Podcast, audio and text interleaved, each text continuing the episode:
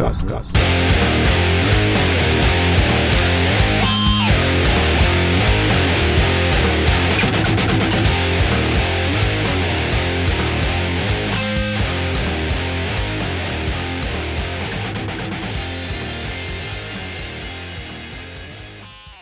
Dzień dobry, tu Młotkas numer 19. Dzisiaj spotykamy się w dobrych nastrojach po bardzo dobrym meczu West Hamu z Nottingham Forest i o tym meczu dzisiaj będziemy głównie rozmawiać. Zrobimy też krótkie zapowiedzi nadchodzących spotkań. Mamy dwa spotkania West Hamu jeszcze w tym tygodniu.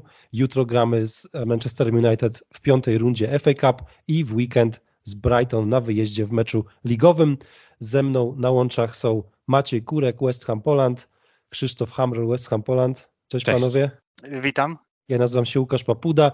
Nie ma z nami Piotrka dzisiaj. Piotrek jest chory, niestety rozłożyła go choroba, także pozdrawiamy Piotrka, na pewno nas słucha. W zeszłym tygodniu też nie było jak się spotkać, bo albo choroba, albo jakieś obowiązki, także wracamy po krótkiej przerwie. Panowie, zacznijmy od meczu z Nottingham Forest. Fajnie chyba o takich meczach sobie pogadać, kiedy wygrywamy. Wygrywamy wysoko. W ogóle nie pamiętam, kiedy my ostatnio 4-0 wygraliśmy.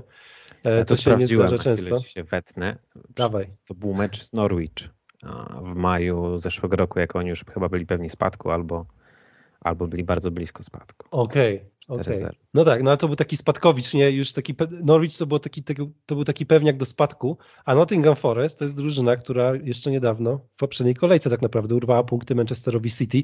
Także dobry rezultat, 4 do 0. Troszeczkę odskoczyliśmy od strefy spadkowej, ale chyba nie możemy jeszcze powiedzieć, że, że walka o utrzymanie nas nie dotyczy. Cały czas jest tam ciasno i wszystko się może wydarzyć. Panowie, jakie ogólne odczucia po tym meczu i takie ogólne pytanie, czy ten mecz zmienia waszą opinię o tej drużynie i o Davidzie Moysie też? O, czy, czy jakoś nabraliście zaufania do tego projektu, czy dalej jednak e, jeszcze dajecie sobie czas, żeby tutaj jakieś wnioski wysnuwać? Maciej. Na pewno cieszą punkty i cieszy przekonujące zwycięstwo, bo gra była lepsza od jakiegoś czasu. Widzieliśmy dobre spotkanie z Newcastle parę kole- kolejek temu, niezły mecz z Chelsea. Mecz z Tottenhamem trochę gorszy, a, ale fajnie, że zaczęliśmy na wysokiej intensywności. Od razu widać było determinację, widać było zaangażowanie, agresję w piłkarzach. Wielokrotnie w tym sezonie zaczynaliśmy na wstecznym, gdzie się rozpaczliwie broniliśmy, gdzie traciliśmy bramki w pierwszych minutach i tu fajnie było widać odmianę, gdzie ci piłkarze wyszli napakowanie jak kabanosy. To na plus, choć ja miałem obawy, bo potem troszeczkę Nottingham, jeśli chodzi o intensywność, powiedzmy, dorównało nam i uważam, że w drugiej części pierwszej połowy spotkania ten mecz się wyrównał. A co do drugiej połowy spotkania, to ja uważam, że wcale tak się dobrze nie zaczęła. Jak mieliśmy koło 65 minuty, to bałem się, że to będzie kolejny wymęczony remis i nagle rozwiązał się worek z bramkami. I tak naprawdę te akcje trudno powiedzieć, żeby jakieś były wypracowane, bo wydaje mi się, że to znaczy były tam elementy, które, które można powiedzieć wynikały z treningu czy z przepracowania, ale były to takie indywidualne zrywy i ten indywidualny instynkt Inksa tutaj nam otworzył worek z bramkami. Więc uważam, że to było kluczowe. Potem zeszło z piłkarzy ciśnienie i dalej już poszło. W tym meczu oglądaliśmy trochę inny skład. Widać było, że David Moyes, ja to odbieram tak, że David Moyes trochę wyciągnął wnioski. On przyznawał się na konferencjach, że naszym problemem jest skuteczność, więc myślę, że pierwszym takim, pierwszą taką reakcją było wystawienie Inksa w pierwszym składzie. Przejście na czwórkę z tyłu, co też, też, też, też dało ten bodziec ofensywny, że my dużo, dużo bardziej graliśmy do przodu. Prowadziliśmy grę w tym meczu, co naprawdę rzadko się nam zdarzało w tym sezonie. Zazwyczaj liczyliśmy na kontrataki. Także, także dużo tam rzeczy zagrało. Jak, jak oceniacie wybory Davida Moysa, bo widzieliśmy zmieniony skład, widzieliśmy, wrócił, wrócił Paketa, wrócił do składu Benrama, zagrał Wings, tak jak wspomniałem, był też Johnson. Na e, lewej na, obronie, co też warto zauważyć. tak, na lewej obronie za Emersona. Krzysztof, jak ty oceniasz ten mecz i w ogóle wybory? Czy ten skład się podobał, czy tak sobie pomyślałeś, kurczę, co ten siwy znowu kombinuje? E, Ciężko mi powiedzieć, ponieważ e, trochę się w tym naszym składzie ostatnio dzieje. Natomiast jak widzimy, e, zmiany przyniosły oczekiwany rezultat. Bardzo się cieszę, że zagrał dany Inks i no to jest piłkarz, którego potrzebowaliśmy, bo jak tak sobie popatrzyłem na te jego bramki, to dochodzę do wniosku, że no to już jest jednak taka jego indywidualne cechy i właśnie ta umiejętność zachowania się w polu karnym no, były dla nas bardzo istotne, czego nam brakowało w poprzednich meczach. Na przykład przy pierwszej bramce wydawało się, że dany Inks już by tej piłki nie sięgnął, tak jakby cofnął tą nogę do tyłu, ale bardzo ładnie trafił. I jestem zdania, że no, trzeba było porobić trochę zmian. Szkoda jednak, że kosztem Emersona, który ostatnio wyglądał bardzo dobrze, ale y, wydaje mi się, że ostatecznie David Moyes się e, obronił swoimi, e, swoimi wyborami, dzięki czemu e, zyskaliśmy jak, jakże ważne trzy punkty co do e, jako takiej formy West Hamu, e, ciężko powiedzieć, bo teraz tak jakby wróciły rozterki z poprzednich sezonów, kiedy to West Ham, można by powiedzieć, bił się o to utrzymanie tak e, dosyć często.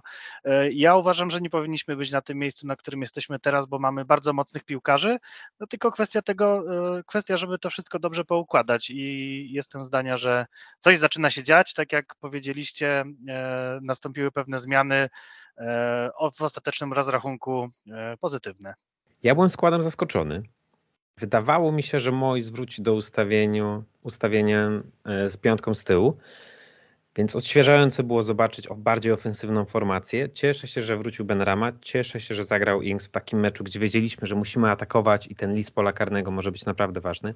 Szkoda mi trochę Emersona, bo on w poprzednich spotkaniach bardzo dobrze wyglądał ale też rozumiem, że musieliśmy go poświęcić, żeby jego miejsce zajął ktoś bardziej defensywnie usposobiony.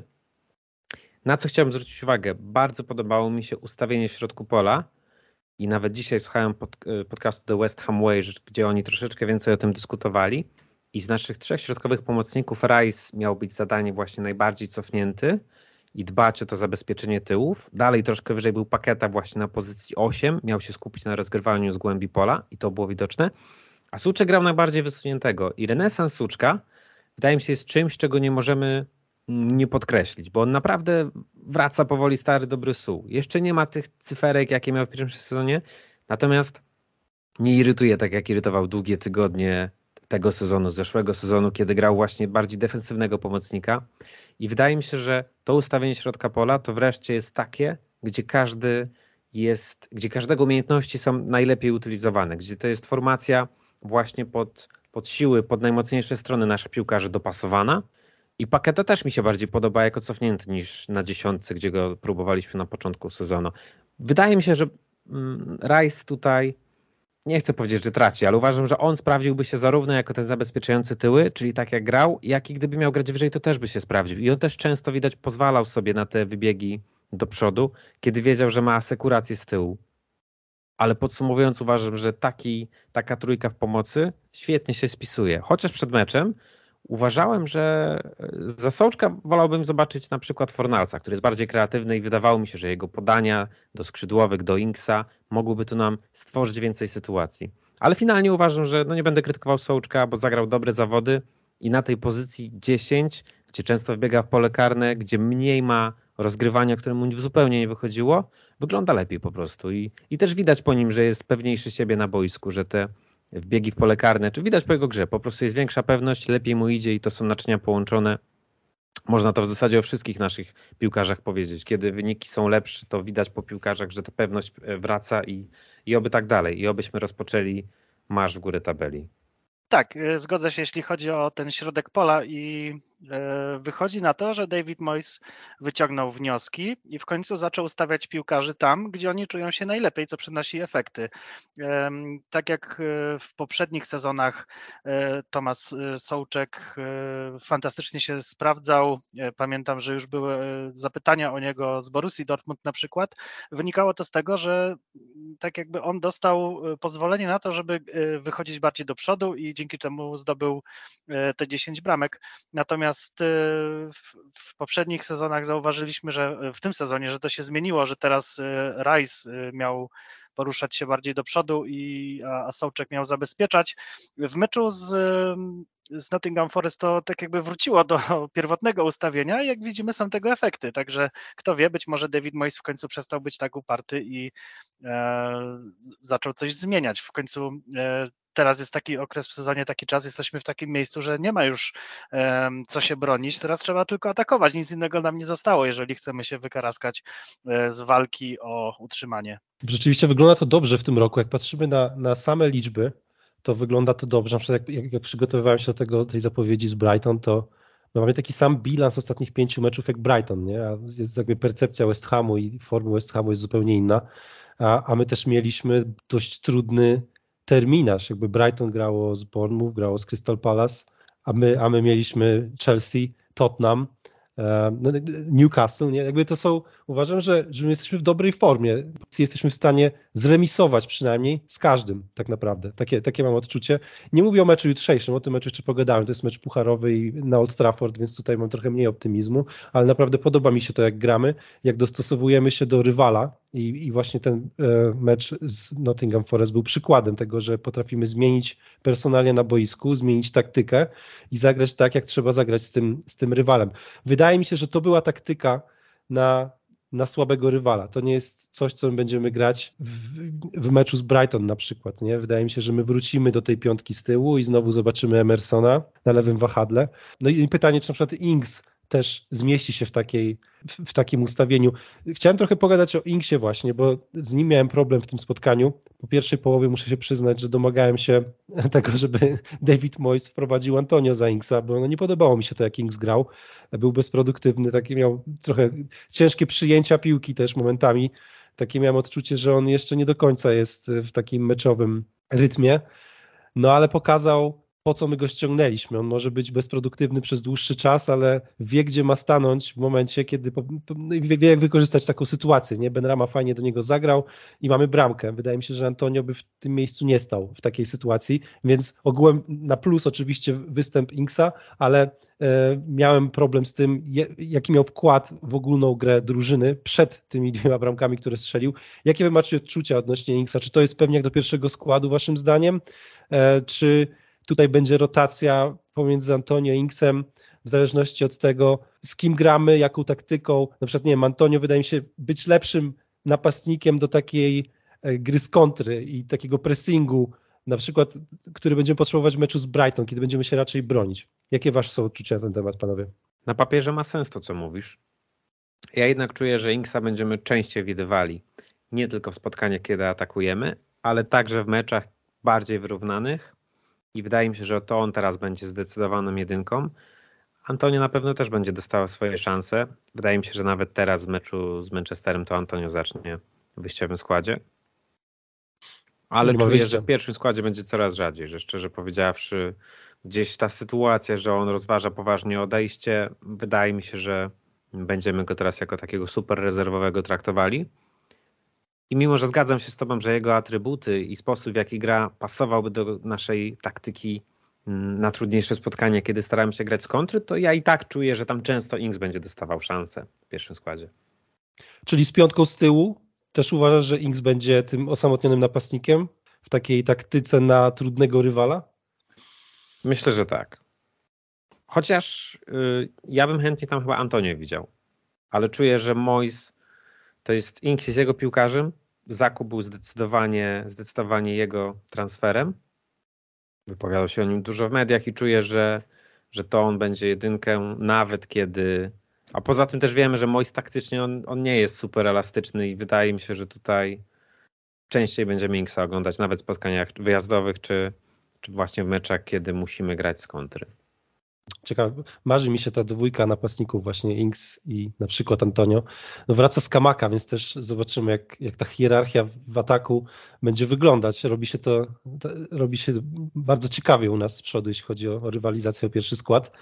E, chciałem jeszcze zwrócić uwagę na Johnsona, bo trochę go krytykowaliśmy w ostatnich w ostatnim czasie dla mnie to był taki, takie najsłabsze gniwo tego składu. Nawet jak robiliśmy to podsumowanie, ocenialiśmy każdego piłkarza z kadry, to Johnson wypadł tam blado, e, bo ja już nie pamiętałem, kiedy on ostatnio zagrał dobry mecz, ale to był chyba właśnie taki mecz, że on, on zagrał ok, a potem po zmianie strony też, też skorzystaliśmy na tej jego uniwersalności, która, która jest ogromnym atutem e, Johnsona bo mógł, mógł zmienić po prostu stronę i grał, grał całkiem, całkiem dobrze. Jak oceniacie występ Johnsona i Cresswella też, bo mogliśmy go zobaczyć w, w, w tym meczu.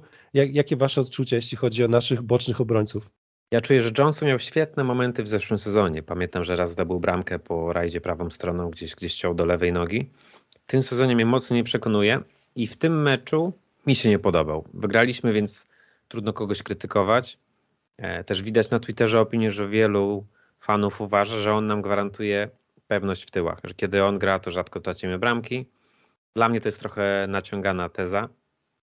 Jak grał w pierwszej połowie na lewej obronie, to nasza lewa strona nie istniała. Zobaczcie, wszystkie ataki sunęły prawą stroną. W ataku. Mhm. Tak. E, Johnson nie dawał żadnego wsparcia Benramie w ofensywie i ten Benrama zawsze był podwajany, nie miał do kogo grać, bo ten Johnson mu nie podchodził wysoko. Widać, że nawet jak już podszedł, zawsze do prawej nogi ściągał, był do bólu przewidywalny. Kończyło się to tak, że Benrama zawsze musiał gdzieś grać do pakety, przegrywać tę piłkę przez środek i uważam, że w pierwszej połowie to, że Benrama był niewidoczny jest w dużej mierze niestety konsekwencją tego, że jego partner z obrony go tu nie wspierał i, i uważam, że to był słaby występ. Parę razy go Brennan Johnson naprawdę nawinął. Dalej była sytuacja z jedenastką, gdzie mieliśmy burzliwą dyskusję, bo ja uważam, że gdyby był karny, to nie moglibyśmy mieć wielkiej pretensji. Tam było wyraźne kopnięcie i ratuje nas tylko to, że Brennan Johnson no, przeaktorzył, czym gdzieś tam skupił uwagę na to Padolino, wydaje mi się, ludziom wbiło się w pamięć i. Za późno. I, tak, więc uważam, gdyby on naturalnie się przewrócił, tak. To byłby rzut karny, bo kopnięcie było ewidentne i i tam uważam, że uciekliśmy spod topora. W ogóle sędziowie chyba nas darzą sympatią, bo mieliśmy dwie, dwie ręki w polu karnym w, w ostatnich spotkaniach i Kerera i Słuczka, teraz e, Johnson, więc przez lata narzekaliśmy na sędziów, a uważam, że w tym sezonie nie mamy, nie mamy prawa narzekać, jeśli chodzi o arbitrów. No ale tam nie było karnego. Znaczy, bo no. ta ręka Sołczka to ja wciąż nie rozumiem. Jakby e, przestudiowałem tę sytuację. Znaczy nie rozumiem dlaczego. Znaczy rozumiem argumentację, ale wciąż nie mhm. umiem sobie wytłumaczyć, dlaczego tam nie było karnego. Ale tutaj jakby był ten karny gwizdnięty, nie byłbym w szoku, bo widziałem gorsze rzeczy gwizdane, ale, ale do, dołożył od siebie napastnik. Więc e, Dołożył, ale według mnie hmm. było kopnięcie i kopnięcie, które było na tyle silne albo o, mm. takiej mocy, że mogło wytrącić go z równowagi. To nie jest tak, że on go delikatnie drastą go kopnął i wydaje mi się, że nie było karnego właśnie dlatego, że, że Brennan przesadził po prostu z reakcją i sędzia powiedział, no nie, na takie padolino nie, nie mogę gwiznąć, tak? Ale wydaje mi się, że gdyby tam... To jest też problem, no bo gdyby on się nie przewrócił, to by karnego na pewno nie dostał, bo sędziowie nie gwizną, przepraszam, nie gwiżdżą kopnięć, jeśli piłkarz się nie przewróci. Bo wtedy chyba jest interpretacja, że okej, okay, jak został kopnięty i się nie przewrócił, no to nie był, nie był aż taki wyraźny kontakt, co dla mnie jest bzdurą, bo jak jest, powiedzmy Antonio często by się nie przewracał, bo jest silny jak tur, e, więc trochę, wiecie, błędne koło się robi, ale, ale trzeba się cieszyć, że tego karnego nie było, bo gdyby był, to losy spotkania mogłyby się potoczyć zupełnie inaczej.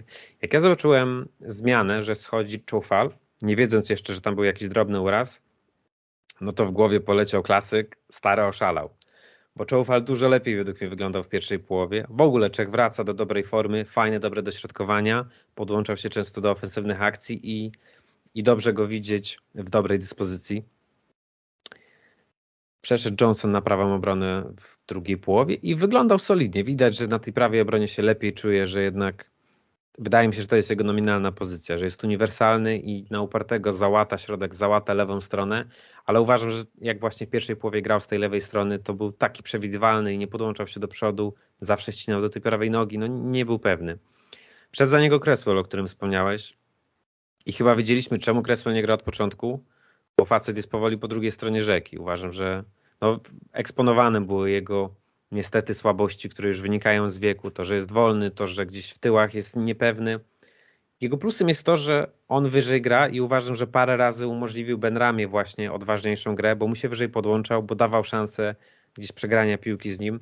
Cresswell zawsze miał dobrą rzutkę i powiedzmy ze stojącej piłki czy technicznie to jest niezły piłkarz. Natomiast całościowo jako lewy obrońca ja się boję jak go widzę w składzie, więc raczej uważam, że będzie grał jako rezerwowy, albo właśnie w sytuacji kontuzji, może w trójce obrońców środkowych jako ten lewy, no ale też te jego braki szybkości, które już parę razy nas kosztowały bramki w tyłach, bo to pamiętne spotkanie z Eintrachtem to był pierwszy taki, albo nie pierwszy, ale jeden z pierwszych sygnałów, że, że facet jest powoli po drugiej stronie rzeki i wydaje mi się, że ten mecz też nie był w jego wykonaniu specjalnie dobry.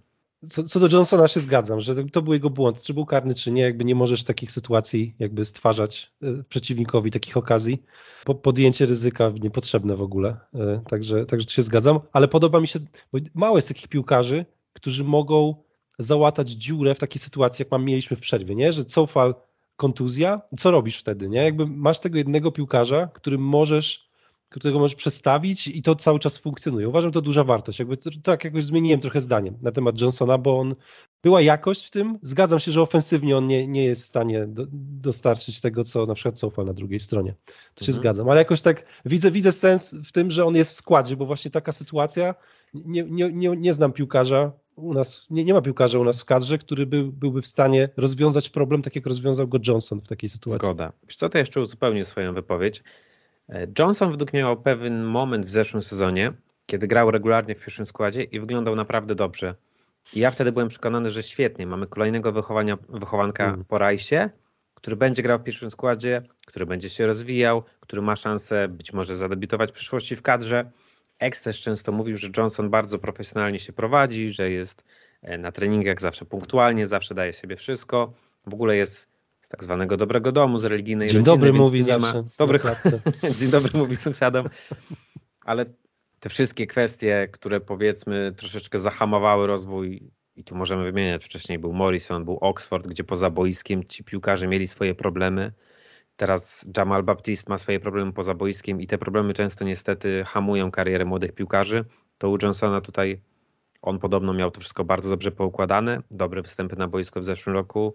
Tak budowało mnie, że to będzie nasz prawy obrońca na lata, że jak już Czofal jest 30-letni i, i pewnie bliżej końca niż dalej, to Johnson zajmie to miejsce. A mam wrażenie, że w tym sezonie ja nie widzę tutaj poziomu na granie w pierwszym składzie. To jest Pewnie, wartościowe uzupełnienie, to jest zmiennik, ale troszkę martwi mnie to, że nie widzę już tego, na pewno nie nagranie w pierwszym składzie w sytuacji, gdzie my chcemy bić się o, o coś więcej niż utrzymanie. Nie no, to mnie martwi, bo, bo już miałem taki moment, że się rozochodziłem, że, że ten facet będzie zabezpieczył nam prawą obronę na lata, a teraz bardziej widzę właśnie taka zapchaj dziura z niego trochę. Ale jest jeszcze młody, więc też nie skreślajmy go, bo, bo może, może jeszcze nas pozytywnie tutaj zaskoczy nieraz. E, tak, zgodzę się, jeśli chodzi o Johnsona. Moim zdaniem e, jest troszeczkę, e, nie chcę powiedzieć przyhypowany, ale Wydaje mi się, że oczekuje się od niego więcej niż on jest w stanie nam dać, bo tak jak się wszyscy zgodziliśmy, defensywnie bardzo w porządku, bardzo poukładana jest ta jego gra, natomiast y, piłka nożna poszła trochę bardziej do przodu i jednak y, przewagą y, całą fala jest to, że naciera do przodu, ma te wrzutki, a tak jak oglądam sobie Johnsona, tak przy całej sympatii do niego, zazwyczaj jest to gdzieś odegranie do boku, do tyłu, nie ma jakiejś próby driblingu i wydaje mi się, że e, to jest poziom, którego on już nie przeskoczy, natomiast chciałbym się e, pozytywnie zaskoczyć w przyszłości i, i chciałbym, żeby e, no Johnson był kolejnym wychowankiem, który naprawdę ba, ba, da bardzo dużo naszemu zespołowi, a teraz jego kartą przetargową jest to, że jest uniwersalny i, i, tak jak widzimy może zagrać na jednej czy na drugiej stronie obrony i wydaje mi się, że jeżeli chcemy zrobić e, krok do przodu, jeśli chodzi o jakość e, naszej gry, no to um, ja jestem zdania, że nie możemy opierać naszej gry na Johnsonie i potrzebny jest ktoś, e, ktoś kto da więcej w ofensywie. Jest to ból solidny i to jest w moich oczach jego idealny opis. Właśnie taki solidniak, ale, ale bez fajerwerków. E, panowie, nie ma co gadać o Johnsonie, bo to nie on był tutaj główną gwiazdą e, tego popołudnia, w którym wygraliśmy e, z, Nottingham Forest. Chciałem was zapytać, kto był waszym takim man of the match w tym spotkaniu. Dosyć oczywiste wybory. Myślę, że jest ta grupa piłkarzy, których można wyróżnić, ale, ale też widziałem właśnie na Twitterze różne sądy i tam są, tam są różne opinie. Niektórzy mówią, że Inks, niektórzy, że, De, że Declan Rice. Ja zacznę może dla mnie Declan Rice zdecydowanie. To był, on pokazał dlaczego, dlaczego jest tyle wart. Już któryś raz zresztą, więc nie, nie chcę się powtarzać, ale ta, ta bramka to było przepieczętowanie, ale gość ma taki luz po prostu, jeśli chodzi o przytrzymanie piłki, rozegranie piłki, e, podejmuje ryzyko na boisku, w sensie nie pozbywa się tej piłki, kiedy ma gościa, który do niego doskakuje, ale na spokoju po prostu szuka najlepszego rozwiązania, coś pięknego. Znaczy, super zagrał w tym meczu i nie tylko w tym, w tym sezonie, taki w ogóle Hammer of the Year, być może. Tak, tak mi się przynajmniej wydaje, że to by było sprawiedliwe. Jak waszym zdaniem w tym meczu, kto był, kto był, kto był najlepszy w naszej drużynie? Ja jestem zdania, y, podobnie jak ty Łukasz, że Declan Rice natomiast jeśli chodzi o danego Inksa, na portalu Clareton Hugh wyczytałem, że dostał od nich notę 10 na 10, e, co troszeczkę mnie zdziwiło, patrząc właśnie tak jak rozmawialiśmy wcześniej na jego poczynania w pierwszej połowie. Owszem, strzelił dwie ważne bramki, natomiast 10 na 10, no nie wydaje mi się. Natomiast Declan Rice to jest nasza kierownica, nasze serce i bardzo przyjemnie jest oglądać go, e, kiedy emanuje tą radością po, po strzelonych bramkach e, przez nas zespół. No widać, że, że chłop ma e, West Ham w sercu i moim zdaniem Hammer of the Year w tym roku. Wreszcie mieliśmy kłopot bogactwa, bo wielu piłkarzy zagrało naprawdę dobre zawody. Ja może troszeczkę, e, żeby od Was odróżnić się zdaniem, powiem, że Paketa. To był dla mnie chyba jego najlepszy występ w naszych barwach. Symboliczna była jego radość po bramce Rice'a, gdzie on cieszył się jakby sam tę bramkę strzelił i on tam miał duży udział, bo jak zobaczycie, on we wcześniejszym etapie Rice'a czy drugiej bramce, nie chcę teraz pochrzanić, ale e, był taki moment, że on tam fajnie podciągnął, zagrał do Benramy i, i widać, że kurczę wreszcie mamy dla niego tę idealną pozycję. Uważam, że jest bardzo ważny, bo uspokaja grę, ma świetne rozegranie i, i fajnie, że w tej roli My sporo mieliśmy spotkań, gdzie był problem z rozegraniem i uważam, że on tutaj idealnie znalazł swoje miejsce w tym składzie, więc uważam, że paketa. Na pewno trzeba wyróżnić Inksa, bo mnie, podobnie jak ciebie, Łukasz, szalenie irytował w pierwszej połowie i chciałem już go do zmiany gdzieś nawoływałem w myślach. Ale właśnie takiego piłkarza nam brakowało. Taki list pola karnego, gdzie jak nie idzie, to on czy tyłkiem, czy biodrem, czy, czy gdzieś się przepnie i strzeli. I fajnie, że mamy wreszcie takiego pouchera w swoim składzie, bo bo brakowało go do tej pory. Oferuje nam coś innego niż pozostali napastnicy. I, i trudno gdzieś go krytykować za te nieudane sytuacje, na przykład za tą główkę z, pierwszej połowy, gdzie dostał dobrą piłkę, bo facet swoje zrobił, strzelił dwie bramki i fantastycznie. Chciałbym też wyróżnić Bowena e, w Match of the Day na BBC. Jego wyróżnili komentatorzy, że to dla nich on był Match of the Day i podparli to statystykami, że miał, słuchajcie, sześć wszystkich strzałów, tym cztery z pola karnego i cztery były celne z tych sześciu ogólnie. Mm.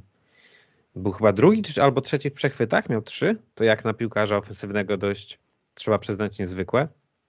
I faktycznie, jak potem sobie popatrzyłem na jego grę już tak pod kątem jego poczynań w tym meczu, to zrobił bardzo dużo dobrego.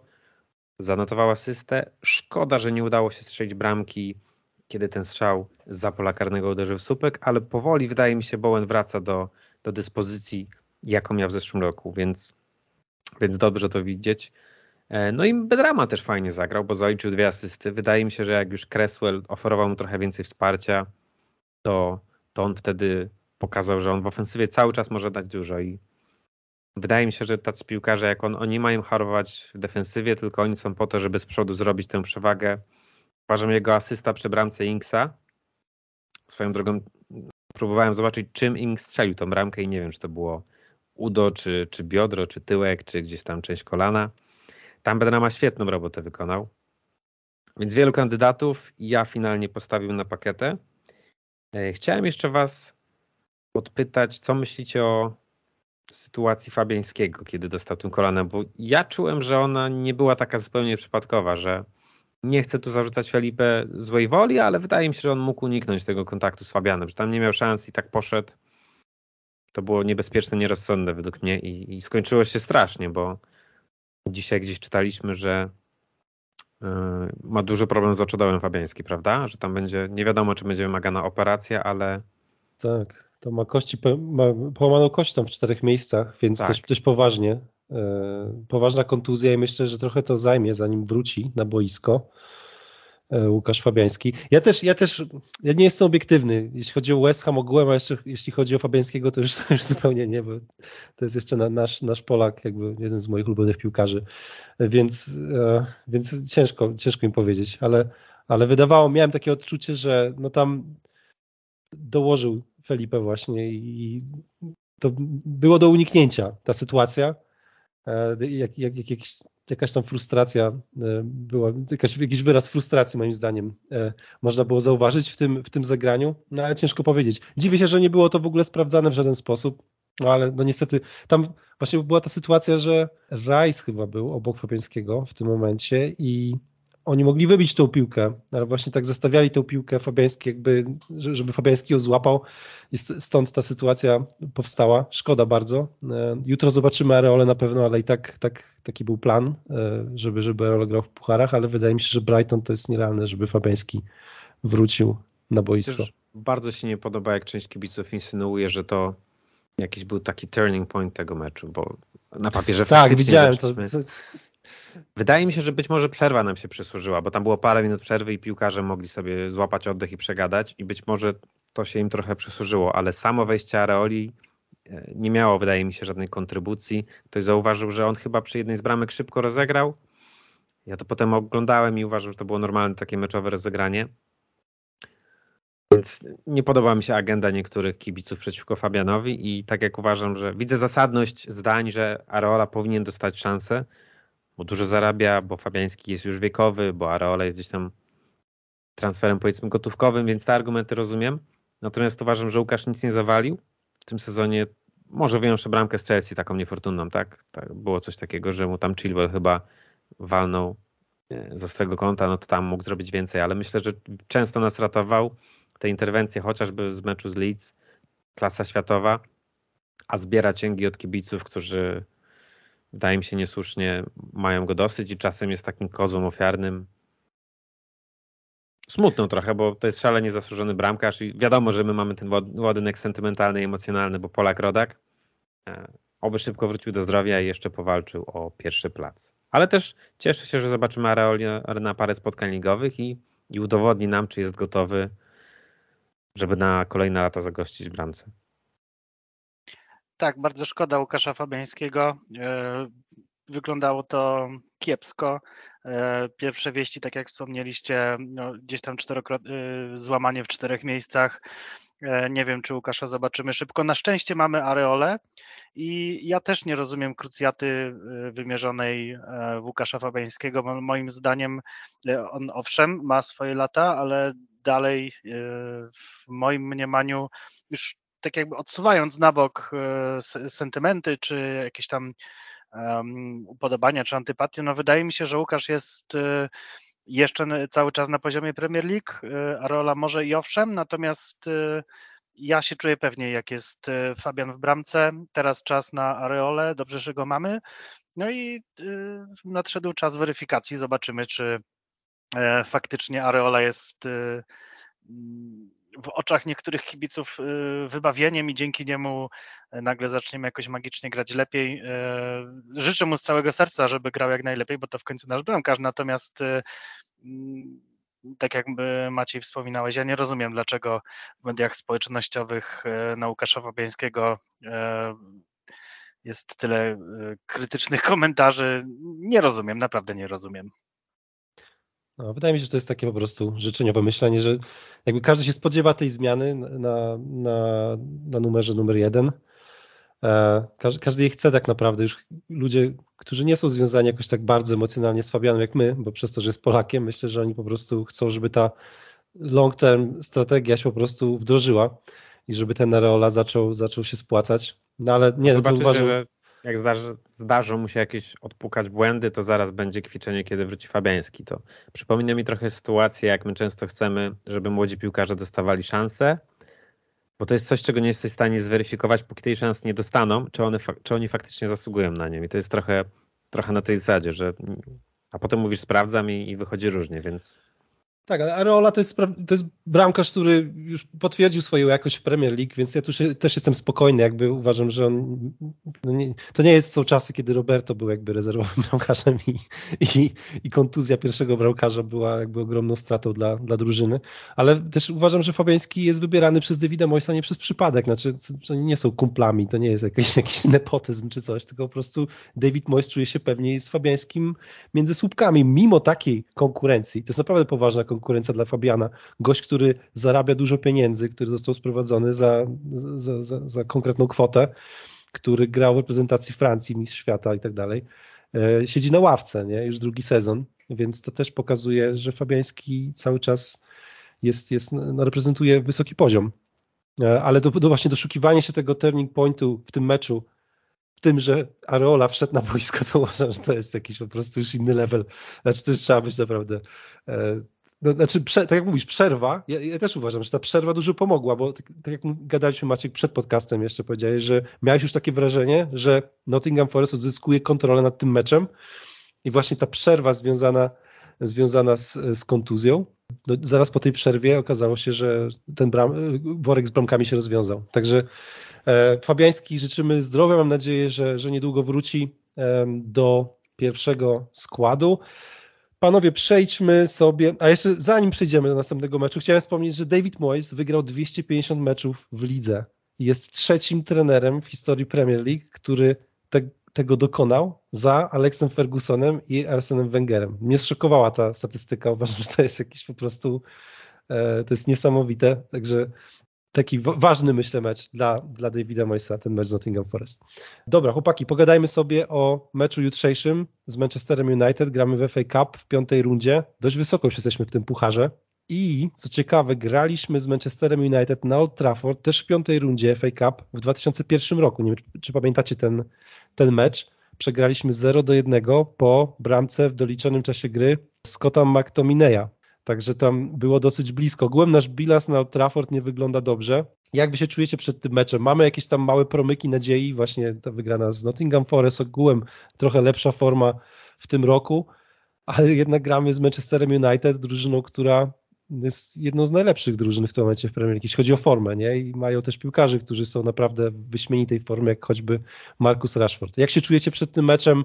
Czy mamy w ogóle na co liczyć, czy raczej to jest tak, taka pozycja do zapomnienia. Trzeba odbębnić, ale jedziemy dalej, skupiamy się na lidze. Jak, jak, jak, jakie wasze przeczucia, panowie?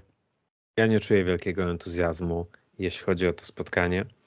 Wszyscy wiemy, jak David gra w meczach z zespołami top 6 i tu się obawiam, że znowu będzie okopywanie się i obrona Częstochowy. Nie mam wielkich nadziei na dobry wynik. Oczywiście budujące jest to, że lepiej gramy w piłkarzach, widać więcej pewności. Chciałbym, żebyśmy nie zagrali zbyt defensywnie, bo właśnie spotkanie z Forest pokazało, że my z przodu mamy piłkarzy, którzy potrafią, e, potrafią skutecznie grać, potrafią kończyć akcje. Nie chciałbym znowu cofać się i liczyć na kontry. Myślę sobie o składzie i wydaje mi się, że e, zobaczymy paru piłkarzy, których ostatnio nie widzieliśmy. Wydaje mi się, że zacznie Antonio w pierwszym składzie. Podobno też szansę gry ma Cornet. Pewnie nie od początku, ale, ale już jest z tego, co Eks mówił, e, trenuje z zespołem drugi tydzień i tu są widoki, że dostanie jakieś minuty, więc świetnie, bo od października go nie widzieliśmy na boisku. A ja myślę, że on naprawdę może być konkurencją dla Benramy do miejsca w pierwszym składzie. Myślę, że zagra też Kerer. Tu, chociaż przy piątce tak. Myślę, że jeśli zagramy piątką, to on wtedy na środku gdzieś zagra tego półprawego. Pytanie, czy zagra Cresswell. E, Ex też w podcaście mówił, że Zuma może dostać jakieś minuty, więc fajnie, że ci piłkarze wracając po kontuzji mają już szansę na grę. Zastanawiam informację, bo chciałbym zobaczyć taką, jaką zagraliśmy z Forest, ale obawiam się, że znowu będzie piątka z tyłu. No i pewnie Emerson dostanie swoją szansę. United jest w świetnej formie teraz. Rashford naprawdę, naprawdę bardzo dobrze wygląda z przodu, więc nie robię sobie wielkich nadziei. Jeśli będzie remis, to wtedy jest chyba mecz rewanżowy, a ja nie wiem, czy chciałbym rewanż, patrząc na to, że zaraz wraca Liga Konferencji Europy, patrząc na to, że mamy ważne mecze w lidze. Więc jakby miał być remis, to szczerze chyba wolałbym poświęcić, poświęcić gdzieś te rozgrywki i skupić się na Lidze Konferencji oraz Premier League. Tak, to przed nami mecz pucharowy i troszeczkę mam z nim problem, bo tak jak, e, tak jak mówiliście, to jest Manchester United, oni są teraz w gazie. My natomiast e, nie wiem, czy e, powinniśmy E, dać siebie 200-300% w tym meczu. Tak jakby e, teoria sportu mówi, że e, nie wolno odpuszczać, zawsze trzeba walczyć, natomiast patrząc na to tak trochę z oddali, no, jest jeszcze Liga Konferencji Europy, gdzie mamy większe szanse i przede wszystkim musimy zdobywać punkty w lidze, ale wydaje mi się, że David Moyes będzie bardzo przewidywalny, być może wymieni kilku piłkarzy, ale zagramy defensywnie. Ja tylko mam nadzieję, że nawet jeżeli przegramy to spotkanie, to morale nam nie spadnie, nie spadnie, bo to widać teraz, że e, chłopaki są nakręceni atakiem z Manchester United. Myślę, że jak zaprezentujemy się dobrze i przegramy, to to morale nie zostanie jakoś podkopane, natomiast e, uważam, że nie powinien ten mecz być naszym priorytetem, e, patrząc gdzie teraz jesteśmy i co przed nami. A myślicie, że będzie piątka z tyłu i właśnie wahadła, czy, czy jest szansa na takie ustawienie, jakie oglądaliśmy teraz? Ja myślę, że piątka z tyłu na pewno. Nie, nie wierzę, że wyjdziemy tak ofensywnie na, mhm. na jakiegokolwiek rywala lepszego niż Aston Villa. Na Aston Villa jeszcze będę się spodziewał, bo niedługo mecz z Aston Villą, to myślę, że możemy wrócić do tej czwórki, ale mhm. takie, takie mecze jak Brighton czy właśnie Manchester United to piątka. Zobaczcie, że jak są mecze pucharowe, to Moi zawsze pewne pozycje rotuje. To jest zawsze bramka. Teraz z oczywistych przyczyn nie będzie, nie będzie tu rotacji. Prawie zawsze napastnik. E, środek pola często jest bez zmian i wydaje mi się, że, że skrzydło lewe to jest też pozycja, gdzie Benrama raczej gra w lidze, Fornals gra w tych meczach albo pucharowych, albo jak próbujemy coś zmienić, no to też on dostaje szansę. Ale na przykład Bowen jest nie do ruszenia i zresztą kto miałby tam grać? Chyba tylko Antonio mógłby grać teraz na prawym skrzydle ale jutro pewnie będzie awizowany jako napastnik do gry. Więc Bowen pewnie też zagra. Środek mnie ciekawi, czy, czy wystawi Paketę i Rajsa, czy może pokusi się o jakąś tu zmianę. Ale Fornalsa myślę, że zobaczymy od początku. Tak, taki mam. Tak, ta zmiana Fornals e, Lanzini w meczu z Nottingham Forest, oni dobrze wyglądali. Tam nie było dużo czasu, tak. żeby się pokazać, ale było, było czuć, że oni tam naprawdę chcą gryźć trawę, żeby się pokazać Fornals asysta bardzo świetnie wypatrzył Antonio, trzeba przyznać. Przez chwilę tam się wydawało, że on może będzie chciał grać przed pole karne, a tu szybki zwrot i dośrodkowanie, więc dobrze to zrobił. Więc ja bym się spodziewał, że oni zagrają w tym mhm. meczu. Może nie od pierwszej minuty Lenzini. Znaczy personalnie jakie w obronie widzicie, jeśli chodzi o środek i też Cofal nie może. nie wiadomo, nie? Jak sytuacja? Cofal nie zagra, to już chyba, chyba powiedział nawet David Moyes na konferencji. Okay że Cofal może nie być gotowy. Więc ja się spodziewam, Emerson wróci do składu. No, w obronie Zuma jeszcze nie, tak? Więc będzie Aguert, będzie Kerer, będzie Ogbona. Oggi, nie? Mm. Chociaż z tym Zumą wiadomo jak jest. On tak potrafi szybko się regenerować, że może jak jutro będzie wyglądał fantastycznie fizycznie. Choć ja bym nie chciał go ryzykować, nie, ale to jego spokój. sytuacje z kontuzjami są, trudno za nimi nadążyć. Pewnie. No ale kto, i właśnie, no i mamy Emersona lewej i na prawej Johnson? Chyba nie ma wyjścia. No. Jeśli Kerr, albo jeśli Johnson w środku, to wtedy Kerr mógłby wahadłowego zagrać. O właśnie, może jeszcze Kerr zagrać wahadłowego. No ciekawe. Ja chyba wolę Johnsona w środku. Znaczy nie, nie lubię Kerrera w środku, więc metodą eliminacji wolę tam Johnsona oglądać. E, bo jednak Johnson ma, ma ten błąd w sobie, no jest ewidentny elektryk. Pewnie, ale raczej, raczej nie, nie odpuścimy tego meczu. Tak mi się wydaje, że to jest spotkanie, w którym David Moyes wystawi taki możliwie najlepszy skład z, z jakimiś tam małymi korektami. Ciekawi mnie, jak podejdzie do tego meczu Manchester, bo oni mają dość dużo na głowie teraz. E, dopiero co wygrali e, Carabao Cup, e, dopiero co grali Barcelonę. Zaraz mają mecz z Liverpoolem w ten weekend chyba, tak? W ten weekend grają z Liverpoolem. Mhm. Więc no ja nie wiem, czy ten mecz z, z, West Hamem to jest dla nich coś aż tak ważnego. Wiadomo, u siebie grają przed własną publicznością, będą chcieli wygrać, wystawią też najlepszy skład. Tam chyba tylko Fred, tylko Fred i Luke Shaw mają jakieś tam znaki zapytania po ostatnim spotkaniu, a generalnie, no i Martial nie zagra, ale generalnie tam pierwszy garnitur jest dostępny na ten, na ten mecz. Ale czy myślicie, że jest szansa, że oni po prostu już, dobra, wygrali już jeden Puchar, Carabao Cup grają jeszcze tam na różnych frontach. Myślicie, że oni mogą jakoś potraktować po macoszemu to FA Cup, czy raczej nie ma na to szans z tą mentalnością Erika Tenhaga, który jest takim bardzo e, takim zamordystą i naprawdę ciśnie tych swoich piłkarzy, żeby, żeby mieli ten mental taki oparty na, na, na odnoszeniu sukcesu i ambicji. Jak, jak myślicie panowie? Według mnie tam jest duża potrzeba sukcesu i to, że teraz zdobyli puchar, to jest świetny początek, ale czuję, że nie odpuszczą tego spotkania. Zdziwiłbym się. Wydaje mi się, że jedna kwestia to jest to, co powiedziałeś. Ten Hag chyba mu najbliżej do Sir Alexa z tych menedżerów, którzy byli po Szkocie. ma ten taki element strachu w sobie, wydaje mi się. Nie na takim poziomie, jak miał Sir Alex, ale, ale jest ten pierwiastek. Nie wierzę, żeby odpuścił. Wydaje mi się, że nie wyjdą pierwszym garniturem, ale że będzie częściowo zrotowany skład, a, a częściowo ci piłkarze, którzy w lidze grają. Więc tutaj odpuszczeniem się nie spodziewał. Liczę po prostu, że my solidnie zagramy. Mm, ale ciężkie boje nas czekają. Raczej wydaje mi się, że właśnie potrzeba sukcesu w Manchesterze po, po tych suchych latach jest tak duża, że oni nie zlekceważą tego pucharu i, i zagrają na 100%.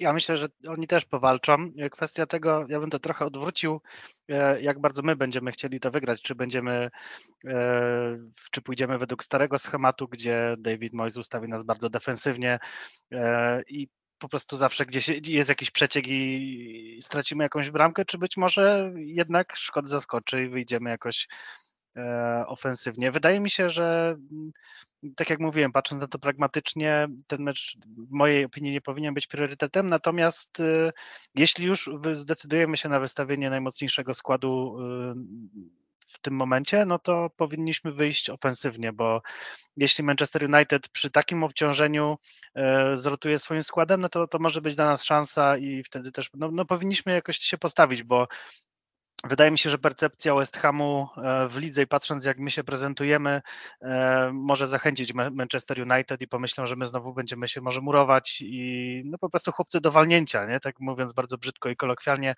Natomiast no to wszystko zależy od nas, czy my jedno, jeżeli wyjdziemy podstawowym składem, moim zdaniem powinniśmy na nich ruszyć. Natomiast e, jeżeli będziemy murować, no to zawsze gdzieś może gdzieś jakaś bramka pada, bo nie jesteśmy aż takim monolitem, jak e, byliśmy w przeszłości, jeśli chodzi o obronę.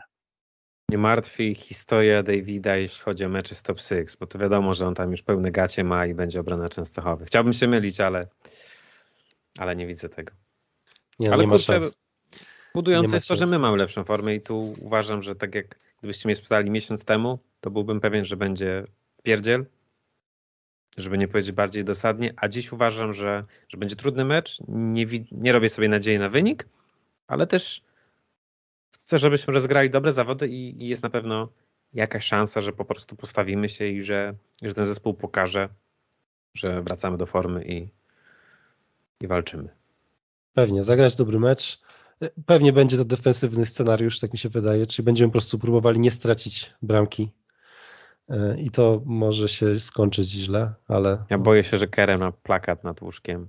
Na zero z przodu, a z tyłu zawsze coś padnie. Ciekawe. E, panowie, czy takim mieliśmy taką ciekawą dyskusję na czacie naszym redakcyjnym i chciałem ją tu przenieść do, do podcastu, bo mieliśmy, e, próbowaliśmy rozstrzygnąć, który puchar jest ważniejszy, czy jest to Liga Konferencji, czy jest to FA Cup. Dla mnie FA Cup, jakby 100%. W ogóle dla mnie nie ma, to jest to jest bardzo ważny puchar z ogromną tradycją. Wolałbym, żebyśmy wygrali FA Cup w kontekście wygrania pucharu. Sorry, to właśnie to trzeba doprecyzować. Czyli mamy wybór. Wygrywamy Ligę Konferencji, wygramy, wygrywamy FA Cup. Dla mnie FA Cup. Jak, jak wy to widzicie? Czy wolelibyście wygrać Ligę Konferencji, czy, czy ten puchar lokalny jest dla was, byłby dla was ważniejszy? Ja myślę, że myślę, myślę, że FA Cup, jeśli chodzi o prestiż, e, stoi wyżej. Natomiast e, w chwili obecnej e, nam przyda się e, sukces również w lidze europejskiej. Wolałbym, żebyśmy wygrali FA Cup, natomiast wiadomo, że jest to moim zdaniem kilka poziomów wyżej. Jednak same angielskie ekipy ciężka przeprawa za każdym razem, natomiast w naszym obecnym położeniu większe szanse mamy na zwycięstwo w lidze konferencji. Przydałoby się oba wygrać. Ciekawe, bo mm, moje zdanie jest odmienne. Ja chętniej bym widział nas wygrywających Ligę Konferencji Europy. Widzę, że dla fanów gdzieś na Twitterze, dla fanów z Wielkiej Brytanii ten FA Cup ma bardzo dużą wartość i oni zdecydowanie woleliby, woleliby ten lokalny puchar wygrać. Ja Ligę Konferencji Europy, wydaje mi się, że wtedy wieść cienie się w świat, że wow, że jest zwycięstwo w europejskim pucharze i no to bardziej, bardziej mi by zależało na tym, gdybym mógł sobie wybierać. I łatwiej, tak mówicie, bo w lidze konferencji są dużo słabsze drużyny niż w FA Cup, tak mi się wydaje. Także na pewno łatwiej by było ten, wygrać ten puchar. W ogóle jesteśmy jednym z faworytów, jeśli chodzi o wygranie Ligi Konferencji, co dla mnie jest jakby wciąż nie mogę tego prze, przeprocesować, w jaki sposób Spadkowicz, znaczy drużyna, która walczy o utrzymanie w lidze, w lidze w Premier League, może być rozpatrywana jako jeden z faworytów, ale no fajnie by było wygrać puchar jakikolwiek. No ale jutro mamy Manchester, także w kontekście tego FA Cup to nie, nie robię sobie zbyt dużych nadziei. Jeszcze fajny byłby smaczek, bo e, David Gold zasłynął tym, że David Gold, który zmarł w tym, w tym roku, zasłynął tym, że kiedyś odkupił jeden z pierwszych egzemplarzy pucharu FA Cup, w sensie tego trofeum, po to, żeby zostało ono w kraju, bo były, były takie, był taki moment, że ktoś, ktoś z zagranicy chciał wykupić ten puchar i wtedy David Gold po prostu wyłożył swoje, swoje pieniądze prywatne i potem e, umieścił to, ten puchar w muzeum w Manchesterze, gdzie ludzie po prostu mogli sobie go, go oglądać, więc bardzo ważne były dla niego te rozgrywki. Myślę, że to jest to byłby fajnie taki tribute, jakbyśmy wygrali FA Cup, ale jeszcze raz powtarzam, gramy jutro z Manchesterem United, więc, więc zobaczymy jak to będzie, a zaraz po Manchesterze United gramy z Brighton, kolejny mecz ligowy, trudny, kolejny trudny mecz tak naprawdę, bo mieliśmy i, i Spurs i mieliśmy Newcastle, Chelsea, teraz gramy z Brighton, więc naprawdę ten terminarz nas nie rozpieszcza. Panowie, jak czujecie się przed tym spotkaniem z Brighton? Czy, czy waszym zdaniem jesteśmy skazani tutaj na porażkę, czy, czy widzicie jakąś nadzieję w tym, że Brighton chyba trochę, e, jeśli chodzi o formę, wygląda słabiej niż w pierwszej części sezonu. Widzimy tam te, te wyniki nie do końca są, są zadowalające dla, dla, dla, dla MEF. Jak, jak czujecie się przed tym spotkaniem? I pytanie też o formację, właśnie już trochę o tym pogadaliśmy, ale też się zastanawiam, czy my na taki mecz na wyjeździe zagramy czwórką z tyłu, czy będzie powrót właśnie do tej takiej, tego, tego garnituru na trudne drużyny, czyli piątka z tyłu i, i raczej próba nie stracenia zbyt wielu bramek. Krzysztof. Y, ja uważam, że z Brighton powinniśmy wyjść podobnie jak z Nottingham Forest. Y, powtórzę się, y, teraz trzeba się bić o każdy punkt. E, inaczej, teraz trzeba walczyć o, o możliwie wszystkie punkty, żeby się wykaraskać z tej e, batalii o utrzymanie. E, wydaje mi się jednak, że zagramy piątką z tyłu i będziemy próbować się murować. umówmy się, Brighton nam nie leży, wydaje mi się, że nie mają na nas jakiś patent wykupiony. Ciężko jest im, ciężko jest ich pokonać i no wydaje mi się, że tutaj pragmatyzm Szkota weźmie górę i, i raczej Brighton nie leży w gronie zespołów, na które możemy wyjść tak ofensywnie, zdaniem naszego menadżera i wyjdziemy e, piątką z tyłu i będziemy próbować murować. Nie jestem tego fanem. E, uważam, że, że mamy naprawdę odpowiednich piłkarzy, mamy mocny skład i powinniśmy próbować atakować, bo ten negatywny, defensywny futbol moim zdaniem nam nie leży. Zgodzę się z Krzysztofem. Też znając Davida Moisa jestem prawie przekonany, że wystawi piątkę w tyłach i będziemy raczej się bronić, czekać na kontry. A szkoda, bo Brighton faktycznie miał ostatnio dwa raczej słabsze mecze. Remis z Crystal Palace, wcześniej, e, przepraszam, ostatnim ich spotkaniem była porażka z Fulham u siebie, a wcześniej zremisowali na wyjeździe z Crystal Palace, mm, więc uważam, że to jest dobry moment, żeby powalczyć tutaj z nimi o, o zdobycz, o całą pulę. Mm, co ciekawe, Brighton właśnie w tej chwili skończyli mecz ze Stoke i jako pierwszy zespół meldują się w ćwierćfinale FA Cup. Ja bym chciał, to znaczy remis mnie zadowoli, tak do tego podejdę. Jeśli zdobędziemy jeden punkt, patrząc właśnie na to, że ten klub nam nie leży, patrząc na to, że znowu pewnie wyjdziemy z takim nastawieniem, żeby nie przegrać, co mnie martwi, bo, bo jak wychodzimy z takim nastawieniem, to generalnie jak dostajemy gonga, to już trudno nam wrócić. Remis uznam za dobry wynik i pewnie, tak jak Krzysztof powiedział, pragmatyzm Szkota weźmie górę. Będziemy defensywnym ustawieniem z piątką z tyłu. Ciekawi mnie, kto na szpicy wtedy zagra, ale pewnie jak w meczu w środku tygodnia zagra Antonio, to w weekend pewnie Inks tam wróci. Ja w ogóle chciałem, żebyśmy już normalnie zaczęli grać tym ustawieniem, takim jak zagraliśmy z Forest. Znaczy normalnie, wiadomo, że nie wyjdziemy na City czy na, czy na e, Manchester United takim ustawieniem w ligowym meczu, ale właśnie na jakieś tam spotkania pokroju Brighton, Aston Villa, szeroko pojęte zespoły środka tabeli, nawet zespoły jak Newcastle, u gdybyśmy grali z nimi u siebie, to chciałbym, żebyśmy zagrali właśnie takim ustawieniem bardziej ofensywnym, ale zobaczymy. No właśnie, bo wydaje mi się, że David Moyes, on od zawsze chciał, znaczy od kiedy jest trenerem West Hamu, on próbował rotować tymi, tymi ustawieniami. I to, to ma sens, jakby to jest częsty, częsty model w wielu drużynach, że albo gra się tą piątką z tyłu i z wahadłowymi i potem ma się wahadłowych składzie, tak jak kupił tego Emersona, nie? żeby po prostu móc zrealizować ten taktyczny pomysł, ale też jest przejście na, to, na to, to bardziej ofensywne ustawienie. Zastanawiam się, gdzie jest ta granica, nie? gdzie jest ten moment zmiany. Czy zmieniamy już na Brighton, czy właśnie Brighton to jest jeszcze w tej grupie takich drużyn, z którymi mamy ambicje grać jak równy z równym, i, i, i mieć, mieć posiadanie piłki i stwarzać sobie sytuację, czy raczej się bronić. To jest taki największy znak zapytania dla mnie. Ogółem Szkot jest dosyć przewidywalny, ale, ale widać, że wyciąga wnioski i reaguje na to, co się dzieje. I póki co to się, to, to zdaje egzamin, biorąc pod uwagę wyniki, ale zastanawiam się, to, to Brighton da dużo odpowiedzi, jeśli chodzi o jego podejście i to, co będziemy oglądać w dalszej części sezonu, jeśli chodzi o West Ham. Te wyniki Brighton da, da, dają trochę nadziei, bo wspomniałeś tą porażkę z Fulham, tam był też remis z Crystal Palace i Crystal Palace, jak patrzymy na ich wyniki, to jest naprawdę jedna z najsłabszych drużyn w tym roku. Oni albo remisują, albo przegrywają. Ale Fulham za to jest w fantastycznej formie, więc ta porażka z Fulham to nie jest takie Fulham, to prawda. które ma, ma się świetny sezon i to trzeba docenić też, nie? To prawda, ale remis z Leicester, wygrana z Bournemouth, ale 1-0 i to też taka, taka raczej wyszarpana.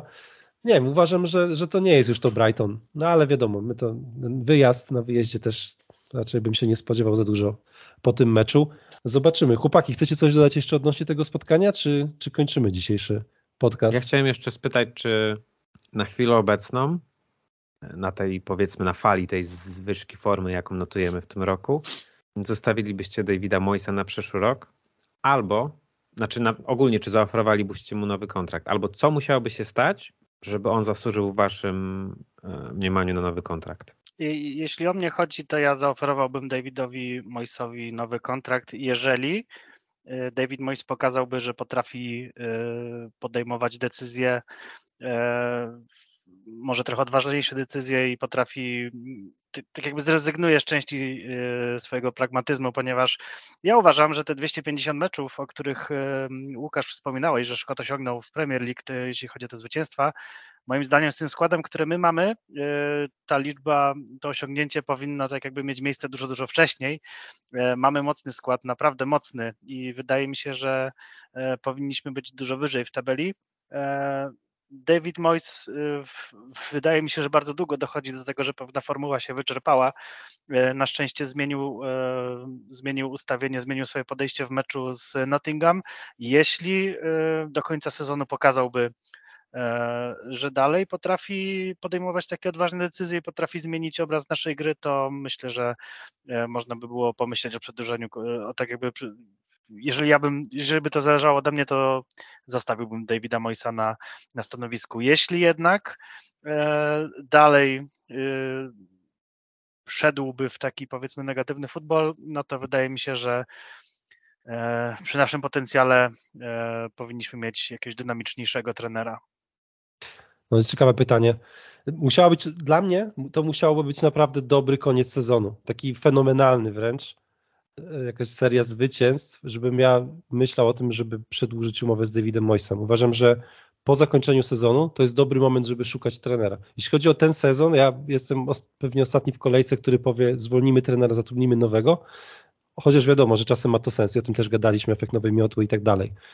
Ale po zakończeniu sezonu na spokojnie szukanie trenera jako taki długoterminowy plan uważam za zasadne tak, przy takim scenariuszu, że my walczymy o utrzymanie i nawet się utrzymamy, nie? ale jednak walka o utrzymanie to nie jest to, co powinno być naszą ambicją, więc, więc uważam, że nawet jak się utrzymamy, to oczekiwałbym, że zarząd znajdzie nowego trenera tak naprawdę, bo, no bo to jest rozczarowujący sezon, e, który, no, no, no do którego trzeba wyciągnąć jakoś wnioski.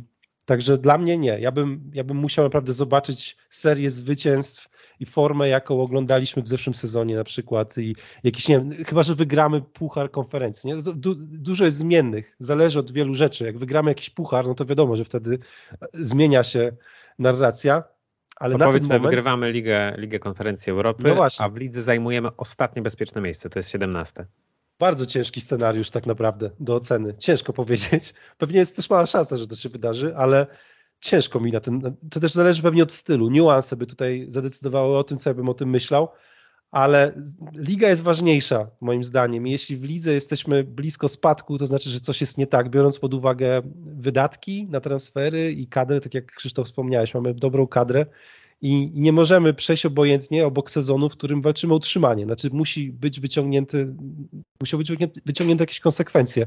Także ja jestem bliżej tego scenariusza, że David Moyes odchodzi po tym sezonie, ale oczywiście jest wiele rzeczy, które mogą zmienić moje zdanie, na przykład wygranie jakich, jakiegoś pucharu czy FA Cup, czy Ligi Konferencji i, i, super dobre wyniki w końcówce sezonu, które by pokazały, że ok, jest nowy pomysł na tą drużynę, jest nowy pomysł na nowych piłkarzy, bo to jest ten główny problem dla mnie, że kupiliśmy wielu piłkarzy, mamy dużo potencjału, jeśli chodzi o umiejętności, ale nie ma do końca pomysłu, jak wykorzystać ten potencjał. I być może to jest kwestia czasu i być może David Moyes znajdzie nową metodę i wszyscy będziemy zachwyceni tą drużyną, ale na ten moment tak nie jest. Na, na razie próbujemy ugasić pożar, czyli utrzymać się w lidze i samo gaszenie pożaru, nawet jeśli zakończy się sukcesem, ono nie jest dla mnie wystarczające, żeby Davidowi Moisowi zaproponować nowy kontrakt.